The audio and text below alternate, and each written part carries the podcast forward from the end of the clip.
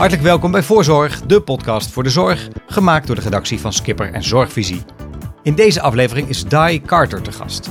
Hij diende 13 jaar bij de Koninklijke Landmacht, waarvan 10 jaar bij het Korps Commandotroepen. Tegenwoordig is Carter te zien op televisie in het programma Kamp van Koningsbrugge. En hij schreef het boek Mentale Kracht. Hoe je die kunt verstevigen, wat zijn visie op persoonlijk leiderschap is en hoe je door goed leiderschap personeel kunt behouden, vertelt hij in gesprek met redacteur Sterre ten Houten de Lange.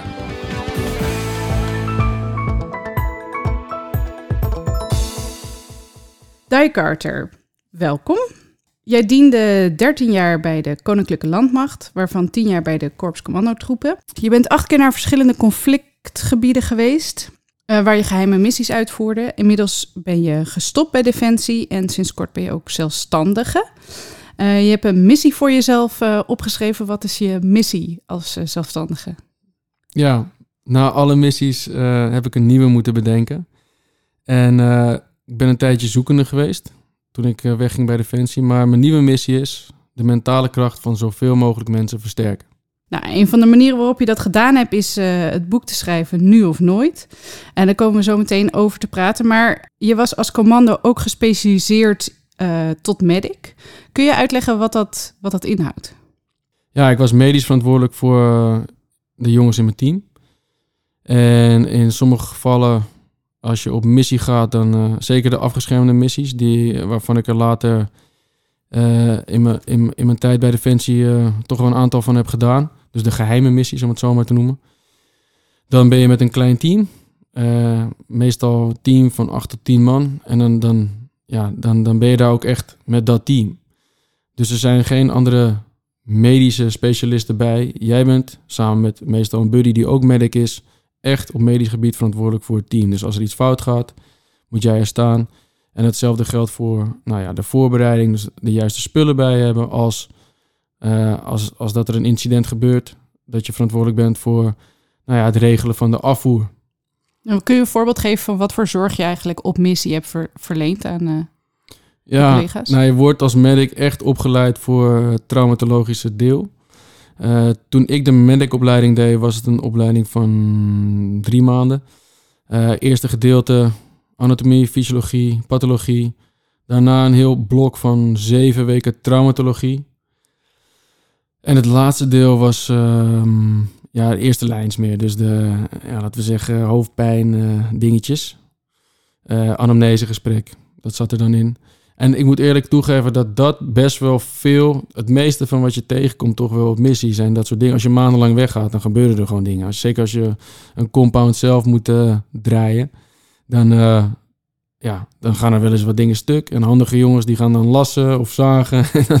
en dan knippen ze weer in hun eigen vinger. Dus dan moet je dat hechten. Maar uh, er gebeuren ook uh, serieuze dingen. Zoals een, uh, een eenheid van een Afrikaanse ehm, neveneenheid, partnereenheid. Die bijvoorbeeld in een hinderlaag rijdt. Waar je dan naartoe moet vliegen om nou ja, in dat geval mensenlevens te redden. En die kun je nou redden of niet. Dat gebeurt natuurlijk ook als merk. Dus ehm, in dat geval kun je zeker situaties tegenkomen van uh, leven en dood. En, en soms dus ook in Nederland, want ik liep twee keer per, per jaar stage op de ambulance in Rotterdam. En uh, ja, dan kom je dat soort situaties natuurlijk ook tegen, alleen wel in een andere context. Ja, dat zou ik wel willen zeggen. Ja, want wat heb je naast dan die ambulance, heb je nog meer gezien van de Nederlandse zorg? Um, ja, zeker. Dus ik heb ook uh, toen ik net, nou, toen ik in 2019 wegging bij het Korps Commandotroepen werkte ik als uh, contractor freelancer voor uh, Group, dus het bedrijf van Ray die met mij in het tv-programma zit. En toen ben ik ook ingehuurd als, uh, als ja, zorgbeveiliger, om het zo maar te zeggen. Op een specifieke case, dus in een gesloten inrichting voor mensen. In dit geval een specifiek geval van een meisje die LVB'er was en ja, psychiatrisch uh, patiënt was. En uh, daar moest je dan op bepaalde momenten interveneren, omdat ze zichzelf, maar ook andere mensen en dus ook mij en, en de anderen die dat werk deden, echt uh, pijn wilden doen op sommige, omdat ze dat gewoon niet onder controle had. Ja. Um, en op de ambulance kom je natuurlijk op ook al die verschillende afdelingen. Daarnaast heb ik veel vrienden die arts zijn. Mijn zusje studeert op dit moment geneeskunde, zit in een gekooschap op de psychiatrie toevallig. En dat vindt ze heel leuk. Dus ik, ik heb veel, uh, nou, mensen die om me heen die in de zorg werken. Mijn vriendin is ook uh, GZ-psychologe. Dus ik weet, er wel, ik weet er wel wat vanaf. Ja. Ik heb wel wat gezien. Je hebt een soort beeld van uh, hoe de zorg eruit ziet. Zeker, ja. Ja. Hey, in uh, januari kwam je boek uit, uh, wat dus onderdeel van je nieuwe missie is. Nu of nooit heet het. En de ondertitel is Bouw aan je mentale kracht met levenslessen van een commando speciale operaties. Yes. Wat, wat is dat nu of nooit? Ja, wat, wat, wat betekent die term voor jou? Nu of nooit is het levenscredo, het levensmotto van het Korps Commandotroepen. Uh, het is Latijn voor nu of nooit. Nunc out, nunc. Um, en het was tijdens het schrijven dat ik erachter kwam, eigenlijk nog niet eens van de, aan de voorkant had bedacht. Ja, ik vond het een mooie titel, omdat het zo bepalend is geweest voor mijn leven.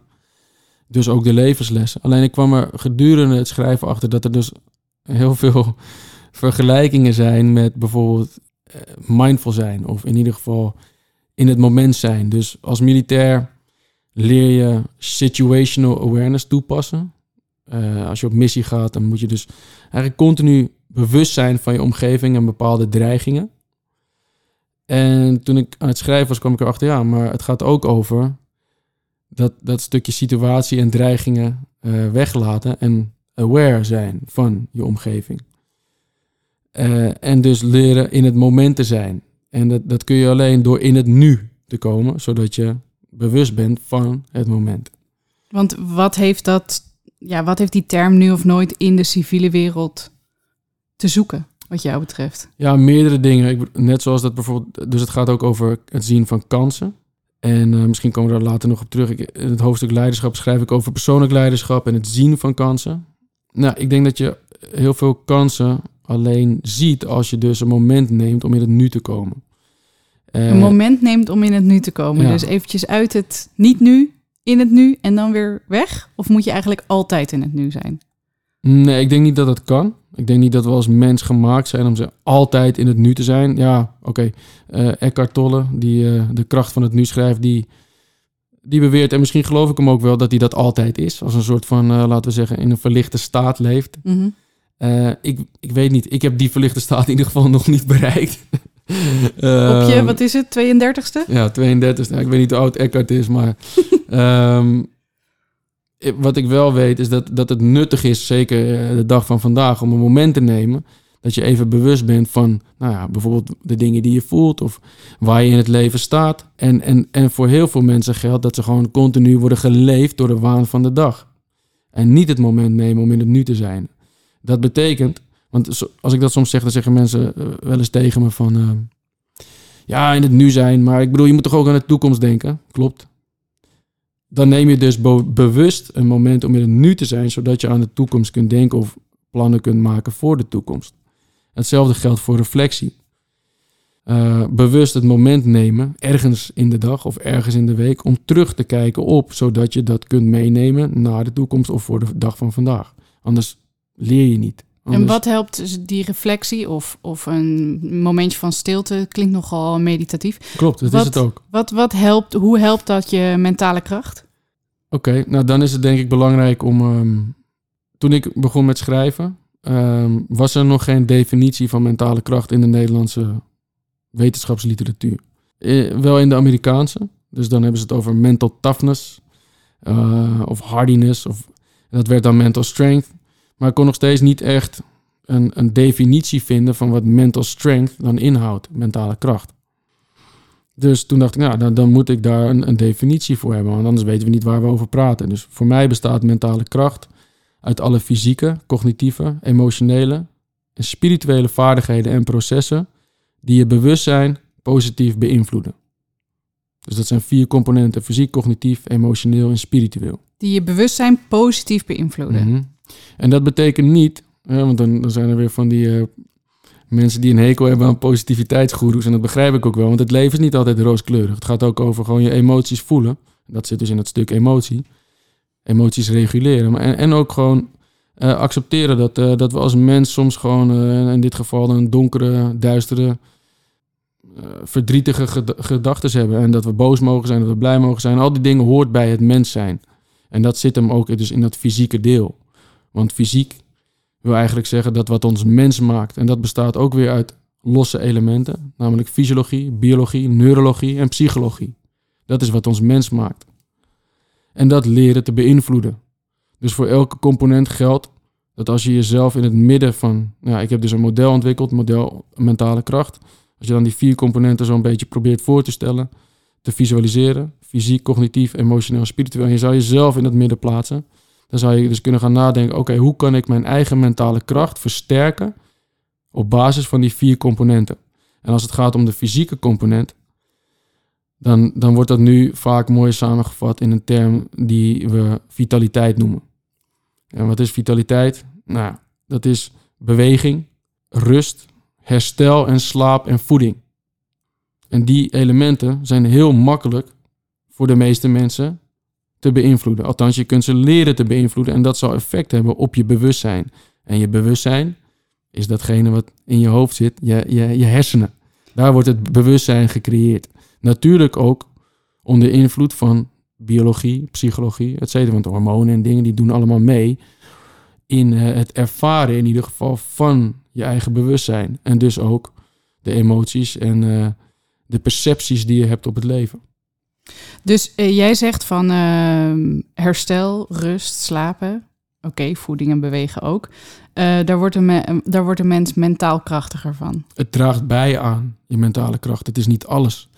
Dus als ik het heb over mijn definitie van vaardigheden en processen, zitten daarin. En in elke component zitten vaardigheden en processen die je kunt aanleren. Of in ieder geval eigen kunt maken door middel van educatie en integratie van de, de, de, de specifieke vaardigheden, dus tools. Dat vind ik ook een mooi woord tegen. Wat zijn de tools die we kunnen toepassen, zodat we daar mentaal krachtiger van worden? Maar ja, het werkt wel zo en blijkbaar slaat het aan. Dus ik vind het ook prettig om dat soort eh, termen te gebruiken. En het is natuurlijk ook iets wat een militair heeft hè, in zijn toolbox. Skillset is mijn toolbox. Ja, ja, ja. En hoe zit het dan met die spiritualiteit? Uh, word je mentaal krachtiger als je in een God gelooft? Of hoe moet ik me dat uh, voorstellen? Ja, dus uh, spiritualiteit. Um, de, nou, ik gaf gisteren een lezing op de VU in Amsterdam. allemaal mensen die in, een, in de ja, researchers in opleiding. En dus dan teken ik dat model uit en dan ging ik over mentale kracht praten. En dan schrijf ik spiritualiteit op. En dan vraag ik, ja, wie heeft hier een negatieve connotatie bij? Dus wat is je gevoelswaarde bij dit woord? Nou, een aantal handen gaan omhoog van, dit is voor mij zweverig. Ja, of een straffende god die uh, de hele tijd op je neerkijkt en zo. Dat zou kunnen. Dus dan heb je uh, in principe ja, dus een negatieve gevoelswaarde bij het woord. Totdat ik uitleg waar het uit bestaat. En um, voor mij, religie is een onderdeel. Uh, van spiritualiteit. Niet per se voor mij persoonlijk. Het gaat meer over levensbeschouwing, denk ik. Voor mij persoonlijk. Maar het is wel een onderdeel van. Maar het gaat meer over purpose. Dus het vinden van betekenis.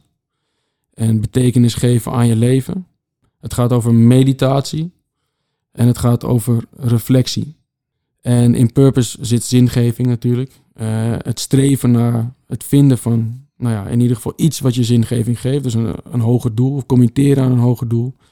Meditatie is leren in het nu te zijn. En nou, dat geldt voor al deze drie dingen. Het gaat ook over reflectie, dus leren te reflecteren op een bepaalde manier. Daar kun je modellen voor gebruiken. Maar over het algemeen gaat het gewoon over, over even een moment kiezen voor jezelf en nadenken. Oh, dat heb ik eigenlijk net gedaan. Ja, wat je net al zei. Ja, dus dan wordt het ook opeens interessant. Want ik zat daar gisteren met allemaal mensen die uit de wetenschap komen ja, je, je, hebt zelf ook een, uh, laten we zeggen, op die manier een wetenschappelijke achtergrond door je studie en uh, de dingen die je doet. Dan wordt het opeens tastbaar. En het toffe is van, althans dat vind ik, ik kon nog nergens iets vinden over mental strength, mentale kracht in Nederland, wat evidence-based gekoppeld was. Um, als je spiritualiteit, spirituality intikt op uh, Google Scholar gelinkt aan, nou, dingen die te maken hebben met bijvoorbeeld het vinden van kracht of het vinden van betekenis. Dan krijg je duizenden papers over uh, hoe spiritualiteit en soms zelfs religie bijdraagt aan. En daardoor draagt het dus ook bij aan je bewustzijn en het positief ervaren van nou ja, um, gebeurtenissen. En, en zo kun je dan dus ook, zo wordt het dan onderdeel van mentale kracht. Dus heel veel mensen halen kracht uit deze factoren die bij spiritualiteit passen.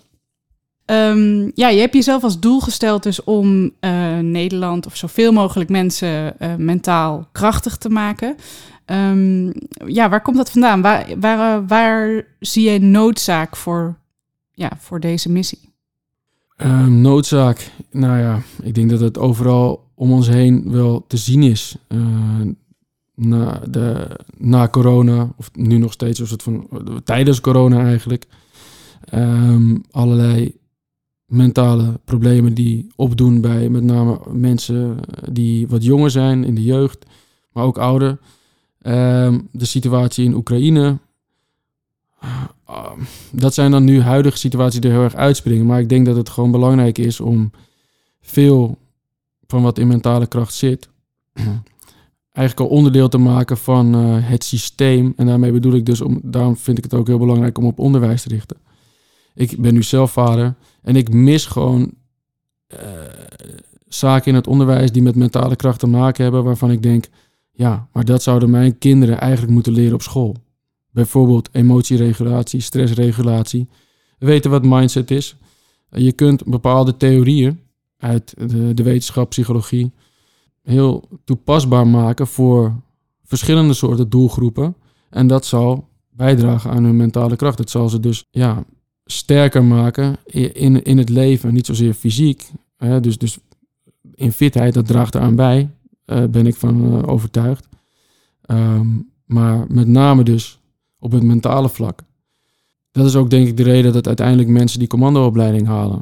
Um, ja, je moet fysiek sterk zijn, althans op een bepaald level. Maar op een gegeven moment vervalt dat. Dat zie je ook in het tv-programma terug. Kan van Koningsbrugge. We gaan zo ver, we gaan over zoveel fysieke grenzen heen, dat dat op een gegeven moment dus niet meer uitmaakt. Dan komt het neer op wat er mentaal gebeurt. Alleen mentaal en fysiek uh, in die zin zijn niet los van elkaar. Dus dat model waar ik het net over, dat is ook een holistisch model. In je boek uh, heb je het over mentale kracht en maak je een onderscheid over de manier waarop mensen tijdens een stressvolle situatie handelen en hoe ze achteraf uh, zich gedragen. Kun je, kun je dat uitleggen? Ja, dat, um, nou, dat is ook voor mij een belangrijk thema nu, omdat het gaat over veerkracht en weerbaarheid. En dat, dat zijn termen die nu eh, veel door elkaar worden gebruikt. Uh, als we het hebben over mentale veerkracht, mentale weerbaarheid. Dat zijn echt twee verschillende onderwerpen, concepten. Zeker in de psychologie wordt daar een groot onderscheid in gemaakt. Want ja, de een is voor tijdens een stressvolle, uitdagende gebeurtenis, de ander is voor erna. Ja, uh, wat is wat? Ja, wat is wat? Dus weerbaarheid is tijdens en veerkracht is na. Het woord zegt het ook. Veerkracht, terugveren na een gebeurtenis. Ja, weerbaarheid in de psychologie.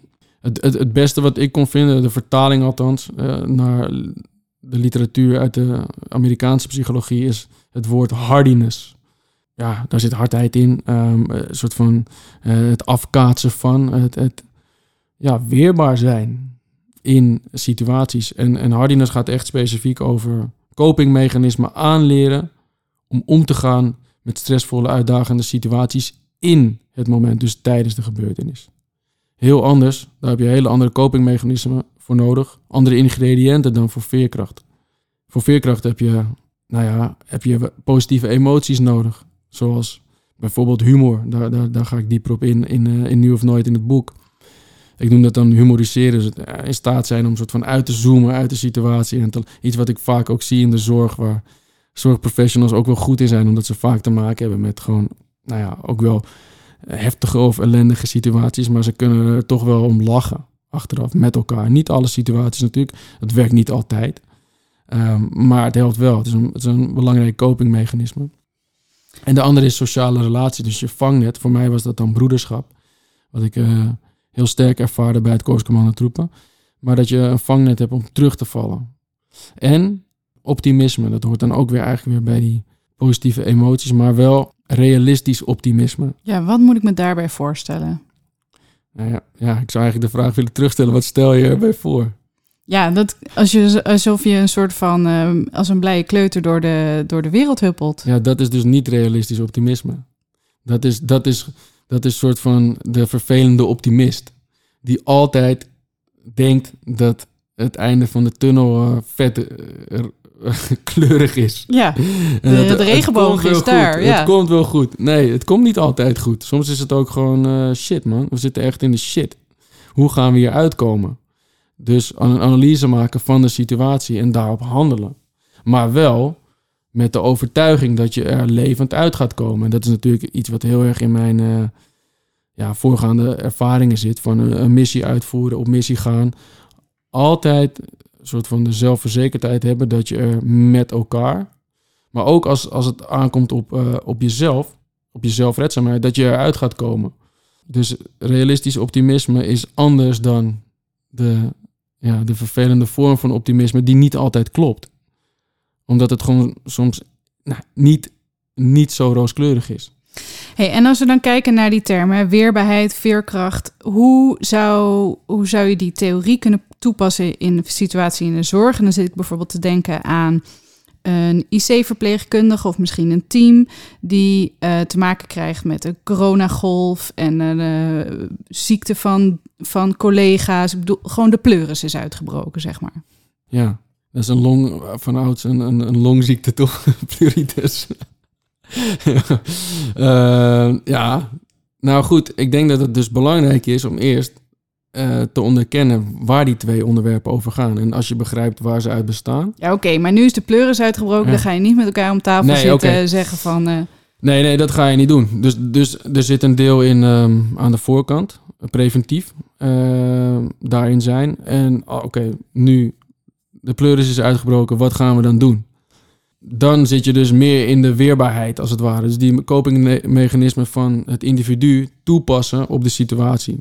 Nou, daar komt leiderschap bij kijken, daar komt eh, communicatie bij kijken, daar komt eh, empathisch vermogen, emotionele intelligentie et cetera. Er zijn een aantal van dat soort factoren die dan echt eh, meespelen in crisismanagement. Want dat is wat het is. De pleuris breekt uit. Oké, hoe gaan we deze crisis nou ja, overmeesteren?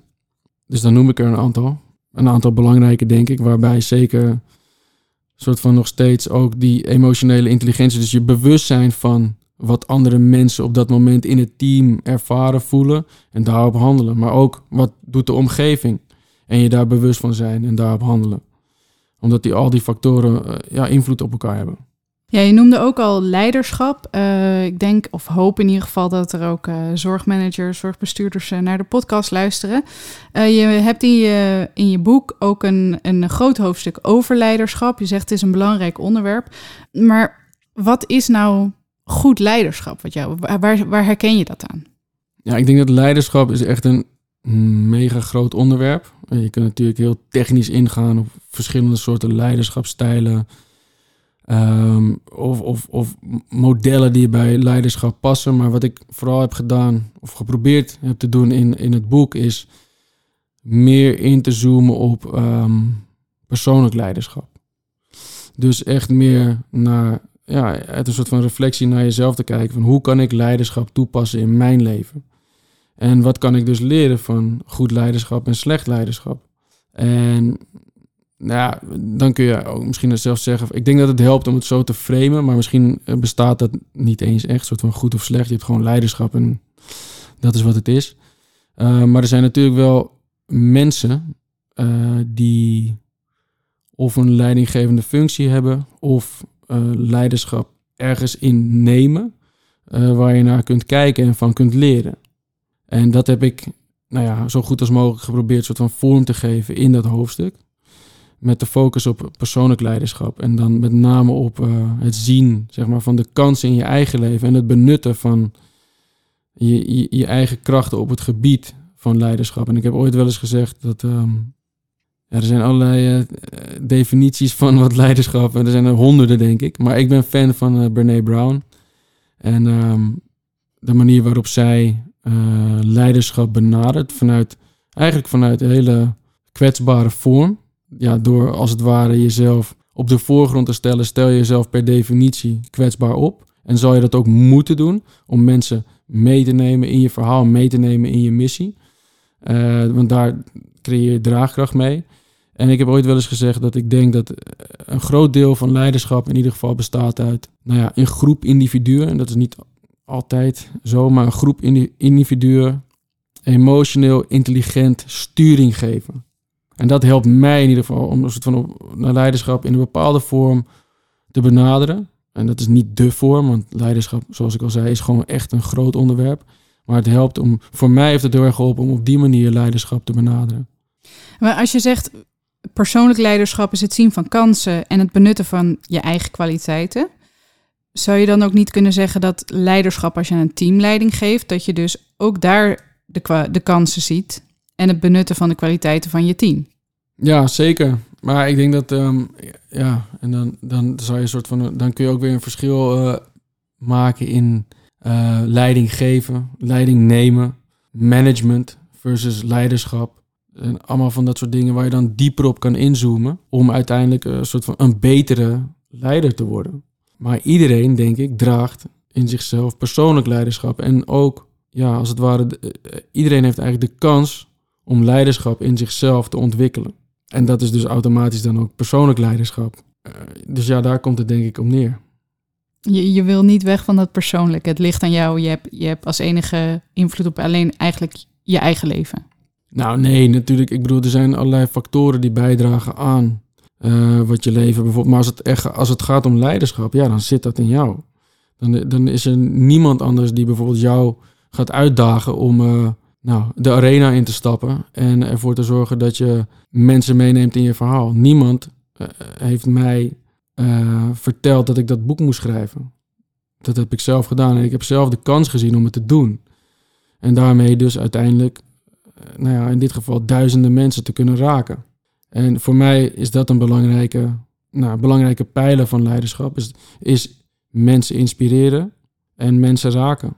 En daar dus dan ook, en dat is ja, daar dan dus ook zo goed mogelijk voorbeeld in te zijn. En dat zeg ik ook. En dat is ook een term die bij Defensie vaak wordt eh, genoemd. Dat is lead by example.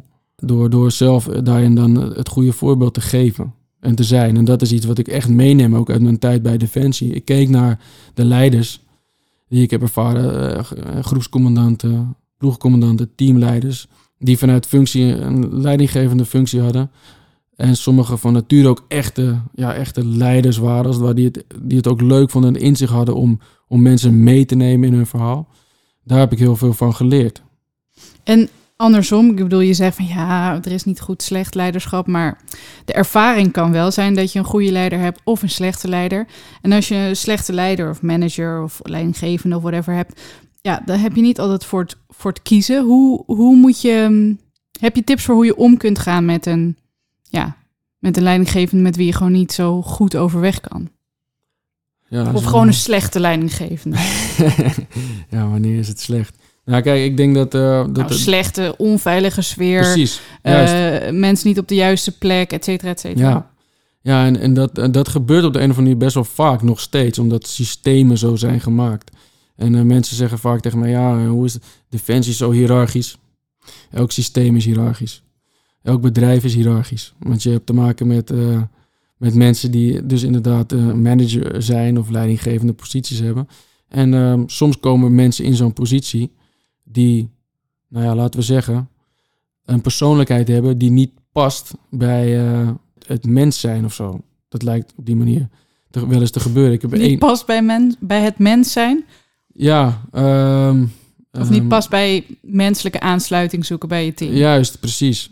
En, en dan worden ze eh, met name dan in een functie gezet, waarbij ze dus wel nou ja, leiding zouden moeten geven aan mensen, maar het op zo'n manier doen die totaal niet aansluit bij eh, de mensen zelf. En ja, dat is nog niet per se eens dan bad leadership of slecht leiderschap, om het zo maar te noemen. Maar wanneer wordt het wel echt slecht? Ja, inderdaad, als, als, als er door die persoon een, een cultuur wordt gecreëerd waar mensen bang zijn voor je. En ik heb dat één keer meegemaakt bij Defensie. En daar raken mensen door beschadigd. Dat is slecht leiderschap. Eh, of, ja, en waarom ik zei van misschien bestaat er niet slecht of goed leiderschap. Misschien is dat toch gewoon hè, toe te reiken aan de mens. Zelf niet zozeer aan het leiderschap. Maar ja, het is wel de mens die dan op dat moment in die functie wordt gezet. Of daarin dan het slechte voorbeeld geeft. En daarmee mensen dus beschadigt. En hoe, hoe deal je daarmee? Hoe, hoe blijf je dan eh, ja, krachtig, mentaal krachtig? Nou, dat is, dat is een complexe vraag. Dus vanuit mijn eigen ervaring. Ik ben ooit gevraagd om voor zo'n soort type leider te werken. En ik heb het geweigerd. Moest ik wel een beetje op een slimme manier eh, doen, omdat ik bij Defensie zat. Je kunt niet zeggen, nee, ik ga niet voor jou werken, dus dat moet je een beetje op een slimme manier doen. Maar in principe is dat... Heb je jezelf in de voet geschoten of zo? Hoe ben je daar onderuit gekomen? nee, nee dat, dat deden ze alleen in de jaren tachtig. Dat, dat, dat doen ze tegenwoordig niet meer. Verzwikte enkel is ja. genoeg. Oh, ik kan niet, nee. Maar ehm, dat, eh, nee, dat heb ik gedaan door te communiceren met mijn eh, toenmalige leidinggever. Dat ik dat niet wilde, dat ik dat niet wilde. En dat ik voor mezelf eh, ergens anders in de organisatie een betere plek zag. In die zin is dat eigenlijk een beetje soort van het vermijden van zo'n persoon. Het kan niet altijd, maar ja, in het boek ga ik daar dieper om. Het helpt om dan een soort van mentaal voor te nemen dat het, dat het ook een mens is van vlees en bloed. En ehm, mensen maken nou eenmaal vaak wel eens verkeerde beslissingen en goede beslissingen. Maar het helpt om het soort van mentaal te framen als, als, als een mens die mij op dat moment niet uh, kan kwetsen, omdat ik daar niet, uh, hoe zeg je dat? Ja, ik wil me dan dus niet laten kwetsen door zo'n persoon omdat ik het niet waard vind. Het is niet waard om je door zo'n mens, door zo'n persoon, die op dat moment, ja, dat is eigenlijk de pech voor jou dat je in zo'n situatie zit dat die persoon je leidinggevende is. Maar je, je, je eigenlijk dus wapenen op dat moment door tegen jezelf te zeggen: Ik ga mezelf niet laten kwetsen door deze persoon. En uh, dat is soms heel moeilijk, maar daarbij helpt het dus om wel een soort van ondersteuning te zoeken bij bijvoorbeeld collega's. En erover te praten. En misschien dus zelfs tot actie te komen om verandering uh, aan te brengen. En daar dan dus weer in, en door, door actie te ondernemen, persoonlijk leiderschap op te pakken en te zeggen: nee, ik, uh, ik ga hier niet meer mee verder ik ga actie ondernemen en ik ga het voor mezelf en voor andere mensen veranderen. Ja, precies. Dus je neemt uh, de regie over je eigen leven eigenlijk. Ja, op dat moment pak je de regie in die situatie. En als we dan over leiderschap hebben, zorgverleners die werken heel vaak in, in teams. Nou, daar, uh, daar zijn ze bij Defensie ook nogal van. Uh, heb, je, mm, ja, heb je tips van hoe je, en tools misschien wel, van hoe je, mm, ja, hoe je een goed team vormt? Wat, wat voor een training je, je doet of wat voor hoe je nader tot elkaar komt? Hoe je nader tot elkaar komt. Nou, jullie hebben daar bij Defensie, heb ik het idee, zeker als ik uh, Kamp van Koningsbrugge kijk, best wel manieren voor om er een team van te smeden. Ja, zeker. En in het tv-programma doen we dat razendsnel. En ik ben altijd weer verbaasd over hoe snel dat soms kan gaan. Maar dat komt natuurlijk ook omdat je mensen in een bepaalde context brengt. Ja, alledaagse context is niet die context.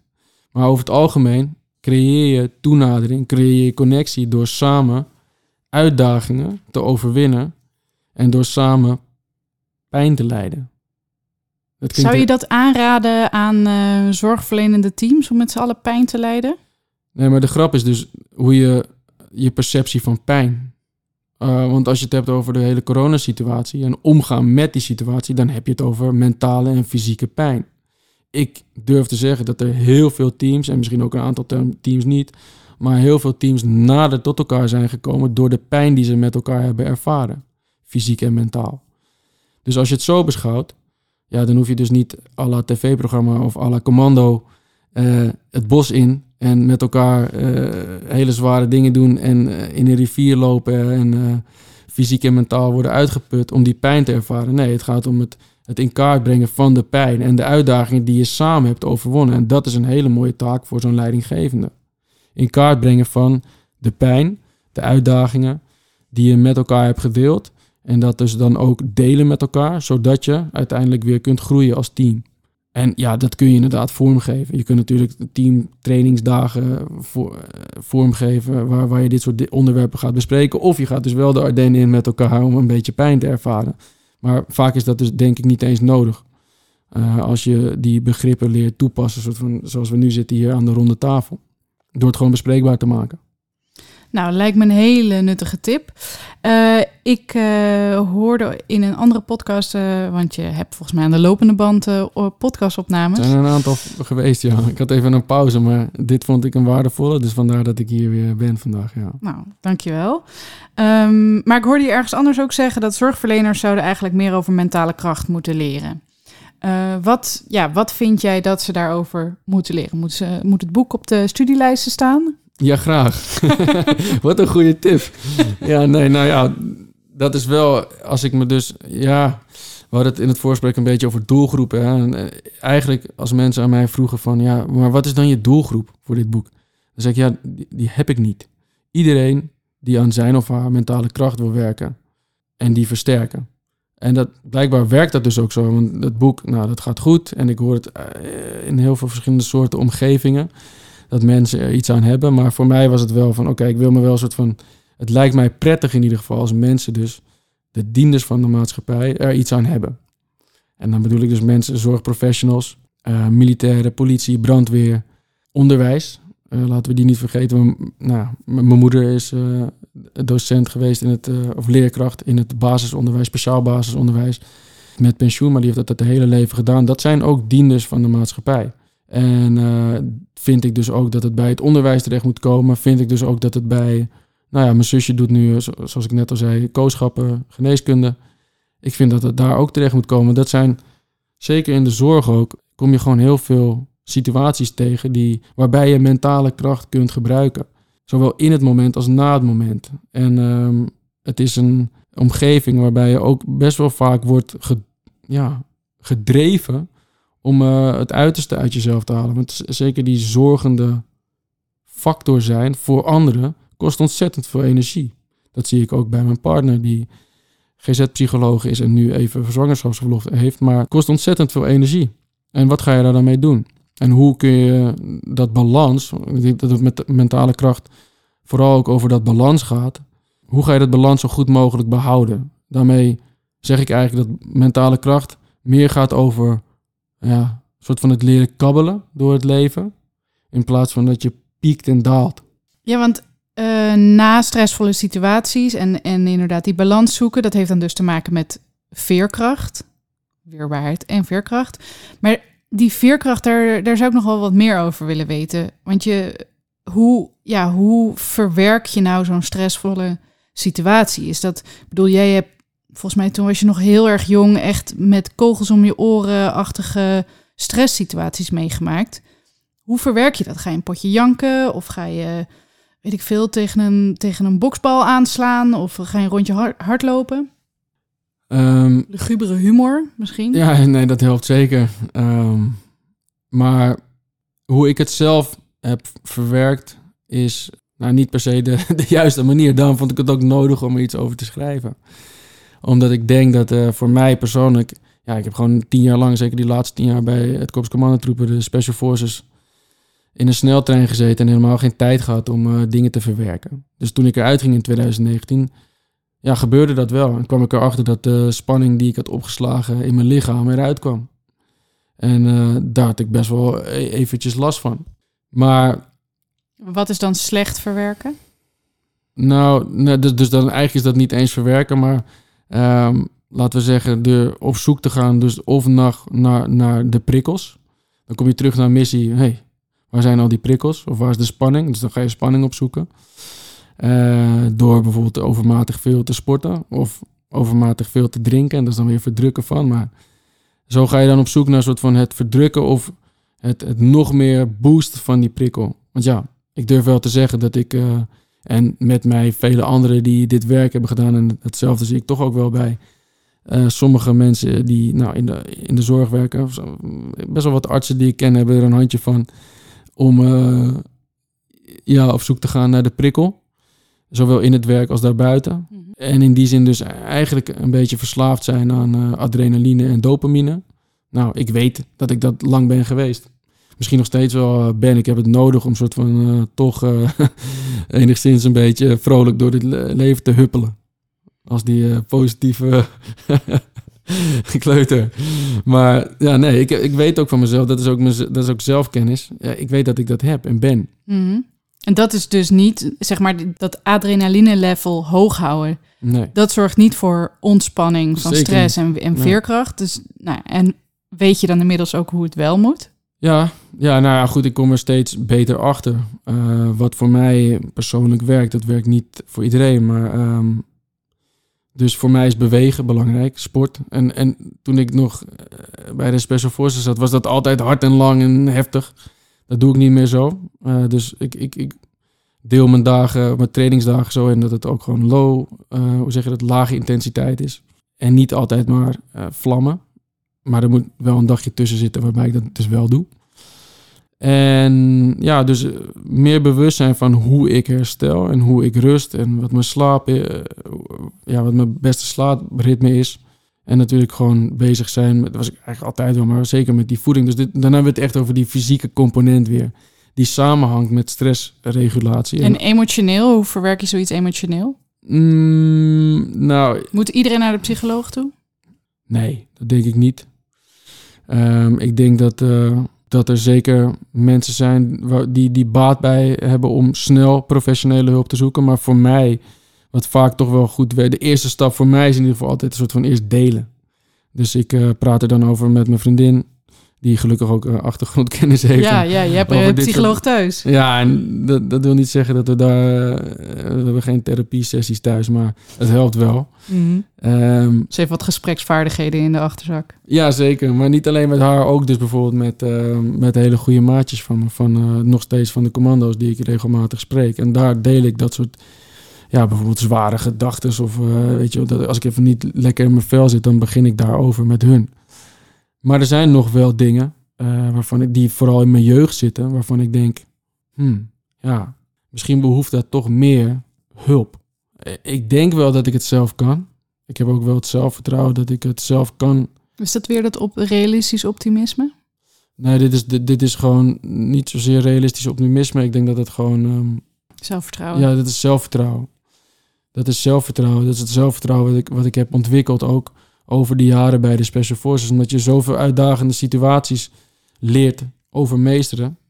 Dat, dat, dat draagt ontzettend bij aan je Je zelfvertrouwen. hebt heel veel positieve ervaringen van je eigen kunnen. En ik heb heel veel grenzen overschreden. Ik Ja. heb angsten overwonnen.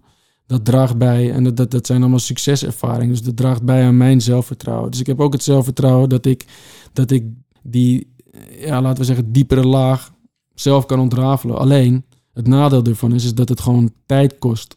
En dat het lang duurt. En om dat te doen, moet je dus dan ook echt het moment opzoeken om dat te gaan ontrafelen. Ja, daar heb ik nu niet per se tijd voor. Dus zou het misschien wel slim zijn of behulpzaam zijn om daar hulp in te zoeken.